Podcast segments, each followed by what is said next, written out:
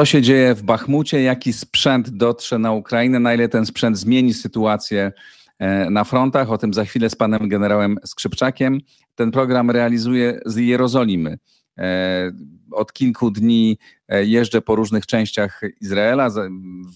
Rezultaty tej mojej pracy zobaczycie Państwo wkrótce. Tu jest ciągle gorąco. Izrael właśnie wczoraj zaatakował E, osiedle palestyńskie na, mm, w Dżeninie, na zachodnim brzegu. Jednocześnie były ataki ze strony Gazy, e, z innej strony wewnętrzne e, tarcia, gigantyczne stutysięczne demonstracje w Tel Awiwie. Dzieje się tu dużo, o tym wszystkim będę opowiadał Państwu niedługo, w, kiedy zmontuję te materiały. Bardzo dziękuję wszystkim patronom, dzięki którym te, te programy mogę realizować i tę podróż mogę E, realizować. Mam nadzieję, że nie będziecie zawiedzieni e, jej rezultatami. A teraz już łączę się z panem generałem. Dzień dobry, panie generale. Dzień dobry panu, dzień dobry państwu. E, rozumiem, że sytuacja zasadniczo się nie zmieniła. Poza tym, że chyba te walki, z tego co słyszę, zwłaszcza w rejonie Bachmutu, są coraz cięższe i coraz więcej ofiar jest tam. Znaczy generalnie widać, że Rosjanie zintensyfikowali swoje działania na szerokim froncie w zasadzie od północy z e, obwodu charkowskiego, z rejonu Swatowo, przez Kremienną, przez e, Siewiersk, e, już Soledar zdobyli, Bachmut, Uegdar i Orechowo, czyli w zasadzie od granicy północnej aż po zbiornik Kachowski rozpoczęli działania, które moim zdaniem są rozpoznanie bojem które mają e, znaleźć miejsca wrażliwe w obronie armii ukraińskiej. Szukają e, Rosjanie miejsc, które pozwolą im obejść pozycję obronne armii ukraińskiej, wyjść w głąb e, przestrzeni operacyjnej, żeby móc przyspieszyć tempo działań.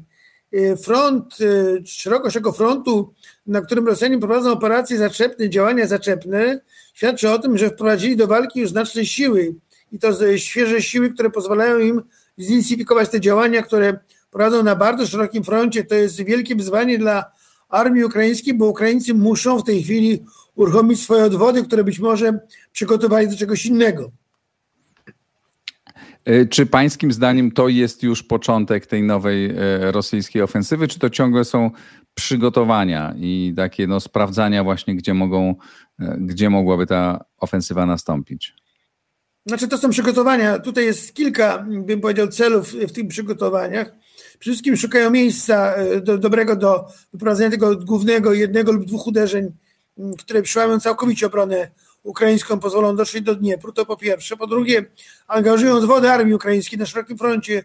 Ukraińcy muszą odwodami manewrować wzdłuż tego frontu, bo e, te ataki, jak powiedziałem, one e, inne, są bardzo intensywne. I po trzecie, Rosjanie jakby stwarzają warunki do tego, żeby podciągać swoje siły główne do rejonu operacji. Oni pod przykryciem e, tego manewru na szerokim froncie prawdopodobnie już w tej chwili przegrupowują wojska do głównego uderzenia, do tego uderzenia, które może być ze wschodu. Ja mówiłem o tym, że widzi od północy, od rejonu Kurska i podtrzymuję to moją ocenę sytuacji, natomiast również e, uderzenie pomocnicze wyjdzie ze wschodu i, od południowego wschodu, południowego wschodu w kierunku Zaporoża. I ku temu zmierzają te wysiłki armii rosyjskiej. Czyli generalnie można powiedzieć, że to jest taki etap wstępny do głównej operacji, która będzie miała miejsce na jednym głównym i jednym, dwóch pomocniczych kierunkach uderzenia. Jak duże siły e, Rosjanie mogą tam zaangażować? Czy ma Pan wiedzę a, e, na temat tego, ile, ile ludzi, ile sprzętu tam może być? Znaczy generalnie, jeżeli chodzi o zgrupowania, które się przygotowują do operacji zaczepnej, oceniam, że są to elementy y, te, które odtwarzały zdolność bojową od miesiąca października.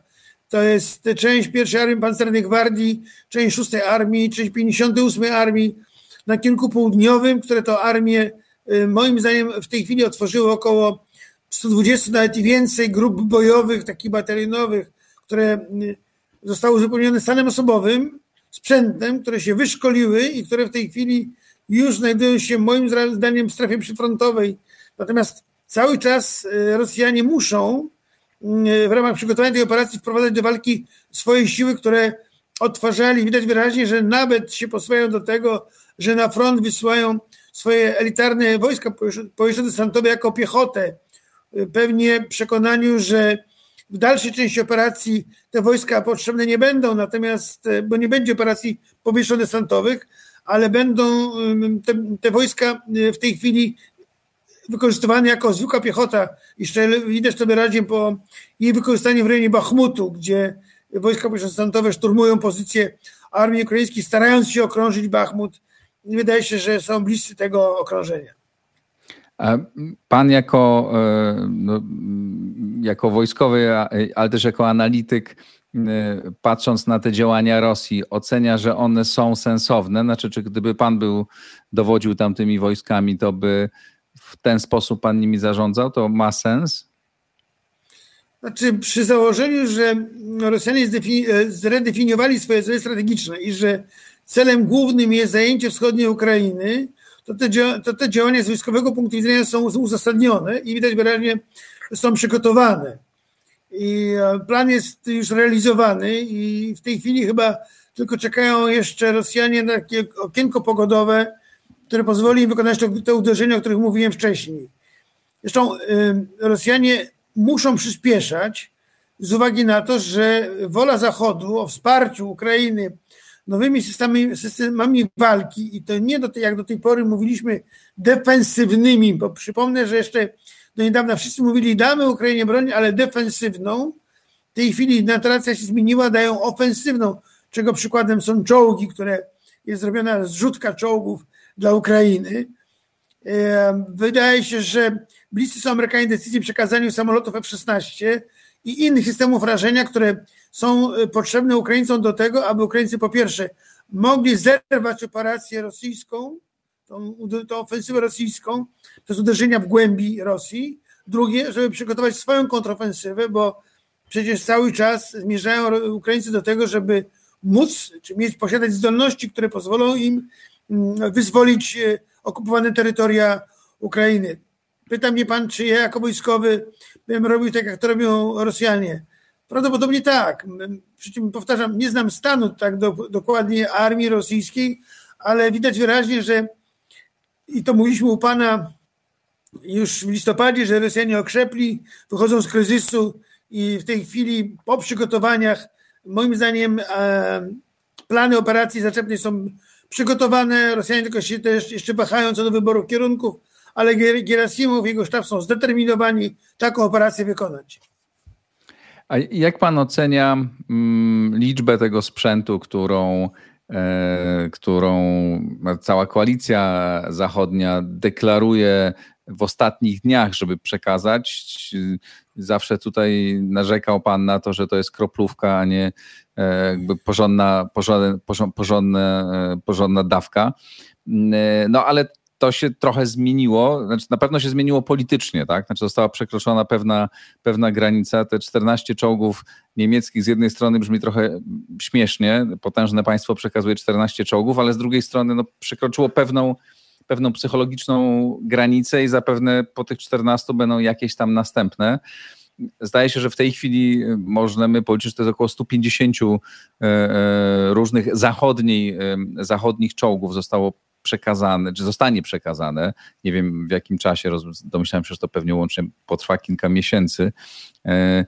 Czy pańskim zdaniem te 150 czołgów zachodnich, czy, na, po pierwsze, jak to się ma wobec tego, co, co w tej chwili jest na froncie i jak duża jest różnica w jakości, znaczy na ile e, czołgi typu Leopard e, e czy Abrams są dużo lepsze, dużo bardziej skuteczne wobec, tego, wobec tych czołgów, nie wiem, T-72 czy innych, których Rosjanie używają? Przede wszystkim mm, Ukraińcy stają przed wyzwaniem, przed koniecznością załamania y, ofensywy rosyjskiej. I w tym załamaniu ofensywy rosyjskiej nie weźmie udziału ten sprzęt, który jest y, w tej chwili przekazywany, bo e, Ukraińcy, przepraszam, nie zdążą tego sprzętu w sposób zorganizowany przejąć, wyszkolić swoich załóg i w sposób zorganizowany strukturalnie wystać na front. Dlatego też tym potencjałem, który posiadają, muszą zrobić wszystko, żeby ofensywę rosyjską załamać. I trzeba dać im tyle amunicji, tyle innych środków walki, które pozwolą Ros y, Ukraińcom tą ofensywę rosyjską załamać. To jest główny cel w tej chwili armii ukraińskiej. Załamać ofensywę rosyjską, wykrwawić wojska rosyjskie i, i tym samym stworzyć warunki do tego, żeby ten potencjał, który będą dostawali teraz, między innymi czołgi, w przyszłości wykorzystać. One nie będą wcześniej na polu walki, moim zdaniem, jak gdzieś koniec marca, początek kwietnia. Dlaczego? Dlatego, że po pierwsze przejęcie całego sprzętu, wyszkolenie załóg, zgranie załóg w załogach, zgranie w plutonach, w kompaniach, batalionach, żeby to było sprawne narzędzie w rękach dowódców, to muszą być to zgrane bojowo pododdziały. A zgranie bojowe to nie jest wyszkolenie załogi, nauczenie kierowcy czołgu, jazdy czołgiem czy działanego strzelania tym czego czołgu. To jest taktyka użycia pododdziałów wojsk pancernych, która musi być opanowana w czasie szkolenia. Pluton, kompania, batalion. To jest jedna rzecz. Druga rzecz, to by, żeby te czołgi były skuteczne, to trzeba stworzyć im środowisko walki. One muszą działać w osłonie. Nie może być tak, jak to robią Rosjanie, że pchają czołgi naprzód, te czołgi są niszczone środkami pancernymi. Ukraińcy muszą stworzyć im środowisko walki, czyli osłonę przez piechotę, wsparcie ogniem artylerii, osłonę prześmigłowcami i samolotami przeciwnika, czy osłonę przeciwlotniczą, aby te narzędzia, jakim są czołgi, były skutecznymi w ich ręku. Dodam, że te czołgi, które dostają Ukraińcy, są to czołgi ofensywne. Oczywiście one w obronie też będą skuteczne, ale ciężkie czołgi są, są, są czołgami przełamania obrony przeciwnika i one powinny być te czołgi, te 150 to jest za mało zdecydowanie, zorganizowane w taką pięć pancerną, taki taran pancerny, który łamie obronę rosyjską na wybranym kierunku i e, stwarza warunki do tego, że ten korytarz wyłamany przez te czołgi wchodzą wojska, zmechanizowane wojska szybkie, które dokonują jakby przełamania ostatecznego obrony przeciwnika. 150 czołgów to jest dużo za mało. Moim zdaniem co najmniej 300 czołgów, żeby to było 5-6 batalionów pancernych, żeby te bataliony pancerne mogły rotować się w walce, żeby ten, ten e, taran mógł być na tyle skuteczny, żeby ta głębokość włamania w obronę była rzędu kilkudziesięciu kilometrów. To jest kluczowe dla, dla sukcesu użycia tych czołgów. Oczywiście bardzo rozumiem... ważną jest również rzeczą logistyka. Rozumiem, że e, to nie jest tak, że te 150 to już jest sprawa zamknięta. E, to jest pewnie początek procesu, więc jest szansa, wydaje się dzisiaj, że te, te, liczby, o których Pan mówi, że 300, czy ja nawet słyszałem od jednego z ekspertów, że, że tak naprawdę potrzebne jest 500 czołgów i że to może być 300 czołgów zachodnich i 200 tych postsowieckich. No, nie będzie to błyskawicznie, ale pewnie w jakiejś perspektywie to jest możliwe i ta liczba już może zapewnić Ukraińcom możliwość przeprowadzenia na takiej kontrofensywy wyzwalającej cały kraj.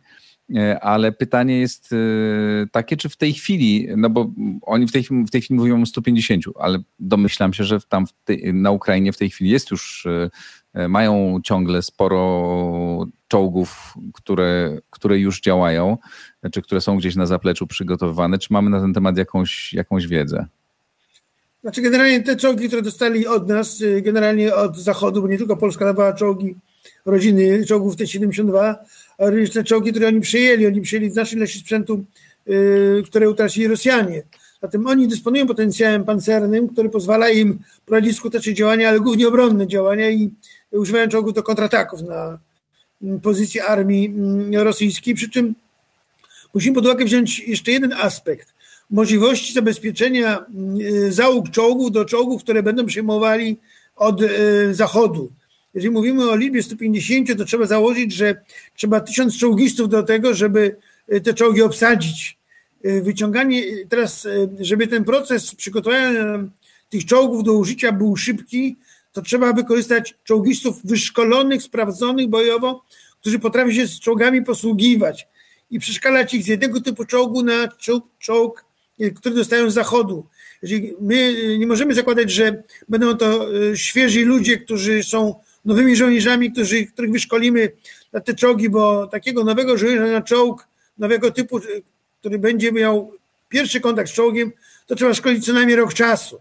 Nie wyszkoli się dobrego żołnierza mm, e, krócej, e, chyba że traktować żołnierzy będziemy jak mięso armatnie. To tak. Tak robią Rosjanie, ale myślę, że tak nie będą robili Ukraińcy.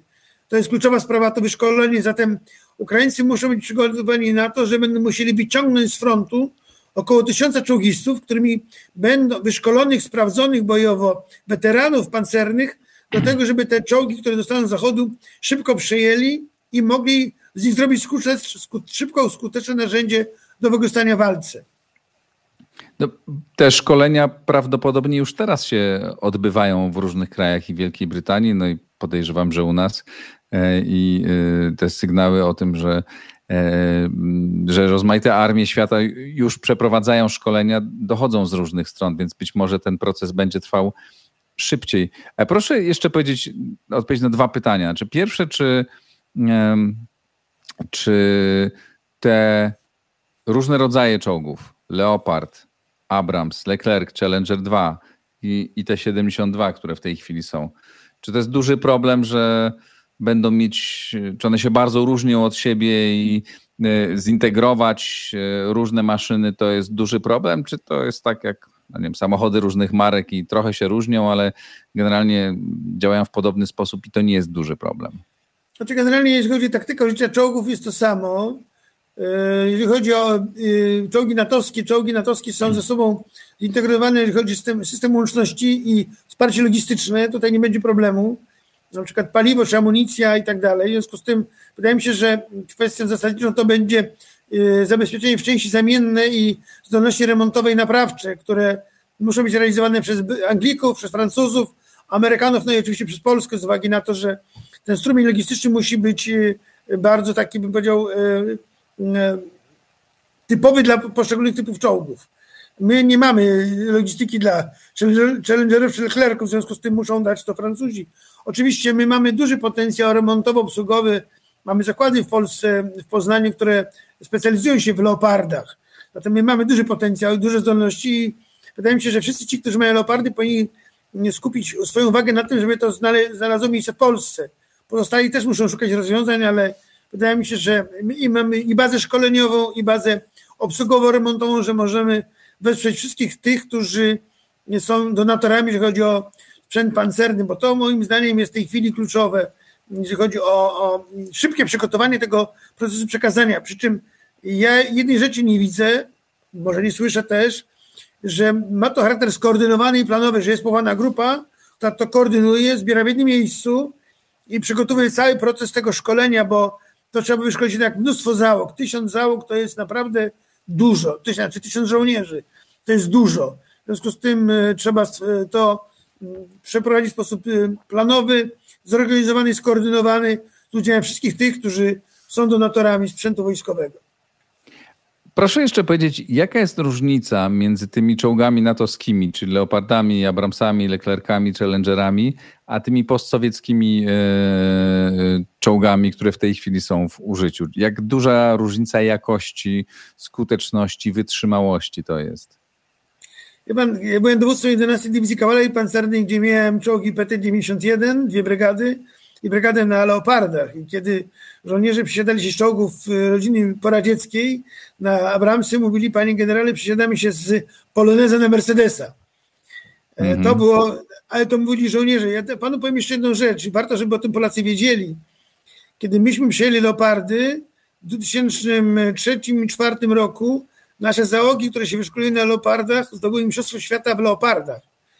Były takie zawody, które się nazywały Swiss Challenge. Aha. I wszyscy właściciele leopardów brali udział w Szwajcarii w tych zawodach. I zawsze co roku w tych zawodach wygrywali Niemcy. Kiedy się pojawili Polacy, Polacy zaczęli zawody wygrywać. I pamiętam Proszę. załogi z 10 brygady, kiedy byłem dowódcą dywizji, wróciły z, złotymi medalami, czyli byli najlepsi. I wszyscy z klubu Loben, właścicieli czołgów Leopard, kibicowali polskim czołgistom. Wygrywali nasi, potem z tego zrezygnowano z uwagi na to, że Niemcy utracili zdolności do wygrywania tych zawodów w konfrontacji z polskimi czołgistami. Czołgi. E, historia. Mam taki jeden nawet medal, dostałem żołnierzy, mam medal taki e, ze Swiss Challenge chyba 2004 roku.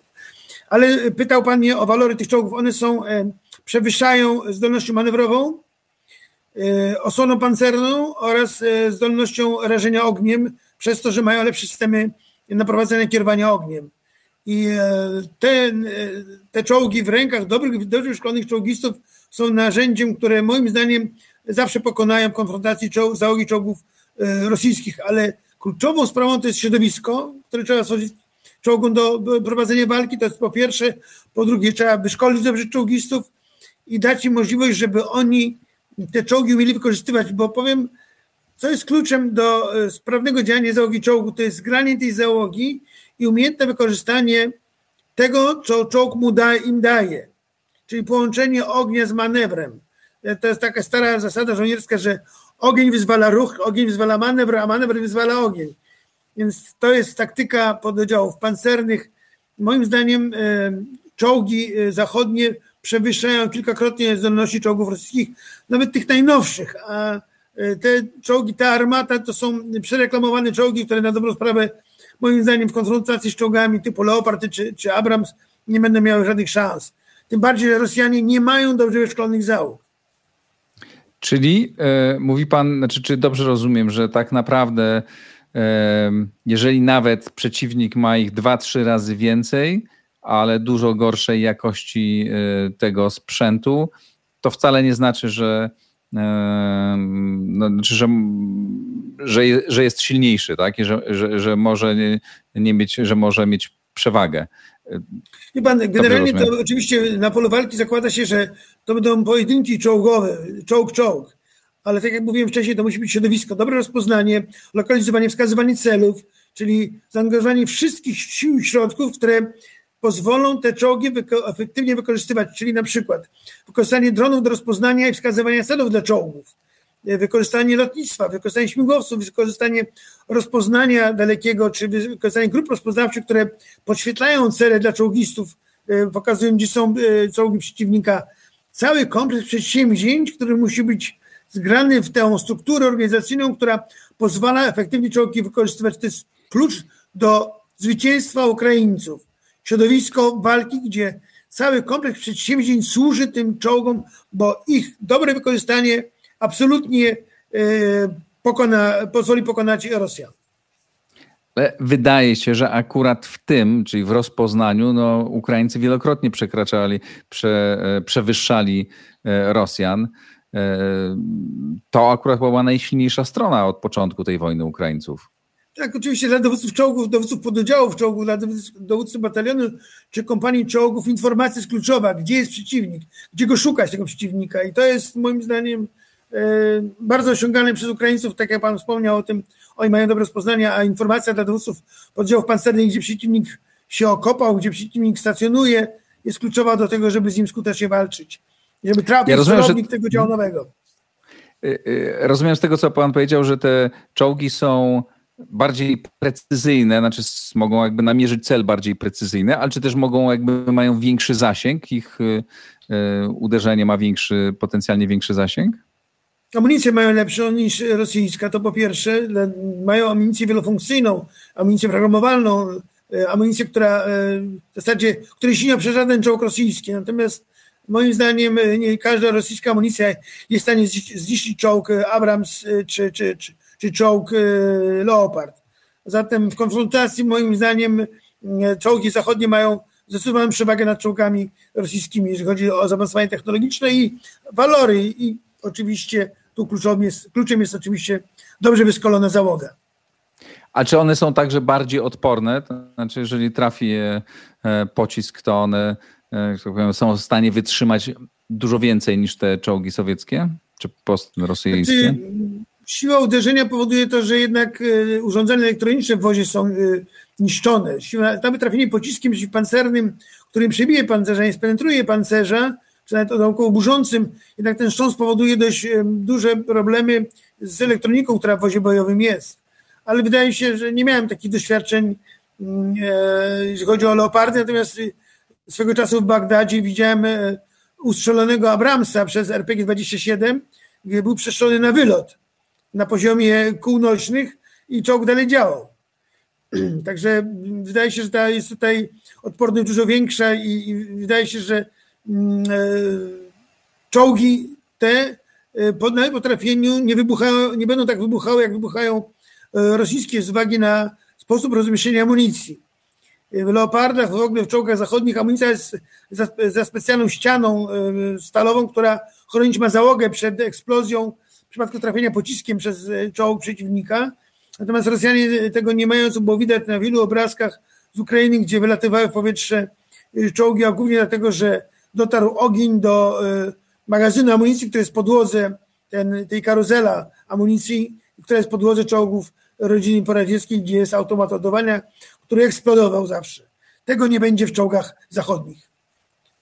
A czy, no, mówiliśmy dużo o czołgach, czy one są rzeczywiście w tej chwili kluczowe, czy nie jest tak, że tak naprawdę tym game changerem, który by mógł zmienić losy, jest e, lotnictwo i to, czy e, Ukraińcy dostaną myśliwce? Panie redaktorze, to, są, to jest zmiana filozofii, to mówiliśmy o tym na początku, że Zachód zaczął myśleć nie o defensywie, a o ofensywie. Jeżeli myśli Zachód o ofensywie, to nie tylko czołgi, to również lotnictwo myśliwskie, ze zdolnością przenoszenia pocisków dalekiego zasięgu, jak na przykład pociski e, JASM, które my też mamy, o zasięgu od 300 do nawet do 900 kilometrów. To jest kluczowa sprawa. Oczywiście zdolność do walki powietrznej z lotnictwem rosyjskim, czy lotnictwo myśliwskie. Tutaj cały czas patrzymy wszyscy na F-16, których Amerykanie w zasobach mają bardzo dużo, które mogliby przekazać. Również patrzymy na to, żeby w końcu podjęto decyzję, żeby armię ukraińską wyposażyć w rakiety do Heimarsów, które Atakamas, które będą, które mają zasięgi ponad 300 kilometrów. Zatem wydaje się, że e, narracja Zachodu się zmienia, ewoluuje w kierunku zapewnienia armii ukraińskiej zdolności do prowadzenia ofensywnych uderzeń, które pozwolą armii ukraińskiej stopniowo przejmować, przejmować inicjatywę na wybranych kierunkach, w wybranych rejonach po to, żeby móc rozpocząć wyzwalanie utraconego terytorium. Podsumowując, y, rozumiem, że w najbliższym czasie możemy spodziewać się zintensyfikowanych ataków rosyjskich, a być może próby przeprowadzenia już wielkiej ofensywy. No i kluczowe pytanie jest to, na ile Ukraina dzisiaj jest do tego przygotowana, bo te czołgi i ten sprzęt, o którym teraz rozmawialiśmy, to one dotrą dopiero za jakiś czas i e, posłużą do przeprowadzenia ukraińskiej kontrofensywy za pewnie kilka miesięcy, nie, nie wcześniej. Na ile pan ocenia zdolność Ukrainy do, do, do obrony w tej chwili, do, do powstrzymania e, tego dużego rosyjskiego ataku? Znaczy, Ukraińcy spodziewali się tego ataku. Ukraińcy nie wiedzieli o tym, że będzie taka wola co do przekazania czołgów, samolotów i innych systemów dla armii ukraińskiej, więc oni byli zdani na siebie i na to, co mają w tej chwili w swoim ręku.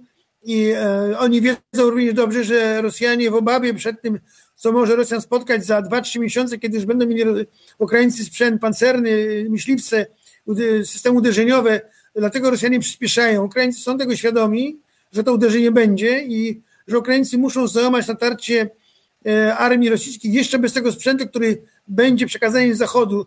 Moim zdaniem oni są przygotowani. Oczywiście walki będą niezwykle ciężkie, ale moim zdaniem Rosjanie e, nie przełamią ostatecznie obrony armii ukraińskiej. Być może włamią się kilka, kilkanaście może kilometrów, ale e, Ukraińcy są na to przygotowani, mają odwody i będą reagowali i wydaje się, że załamią operację zaczepną przeciwnika i ja w to wierzę. I niech tak się stanie. Bardzo panu dziękuję. Dziękuję bardzo. Dziękuję Państwu. To wszystko, to wszystko na dzisiaj. E, pozdrawiam serdecznie z e, Izraela, który niestety nie, nie dołącza do pomocy militarnej, ale sytuacja tutaj jest dużo bardziej skomplikowana i e, jest wiele powodów, dla których, dla których Izrael nie dostarczy żadnej broni, przynajmniej w najbliższym czasie, chociaż obecny rząd jeszcze się na ten temat nie, nie wypowiedział jasno. Będę zapewne o tym też mówił w odcinkach, które w reportażu, który stąd e, przygotuję. Dziękuję bardzo, dziękuję panu generałowi, dziękuję państwu. Dziękuję bardzo. Wspierajcie e, na patronite.pl. Pozdrawiam serdecznie e, z Jerozolimy. Do widzenia, do zobaczenia. Thank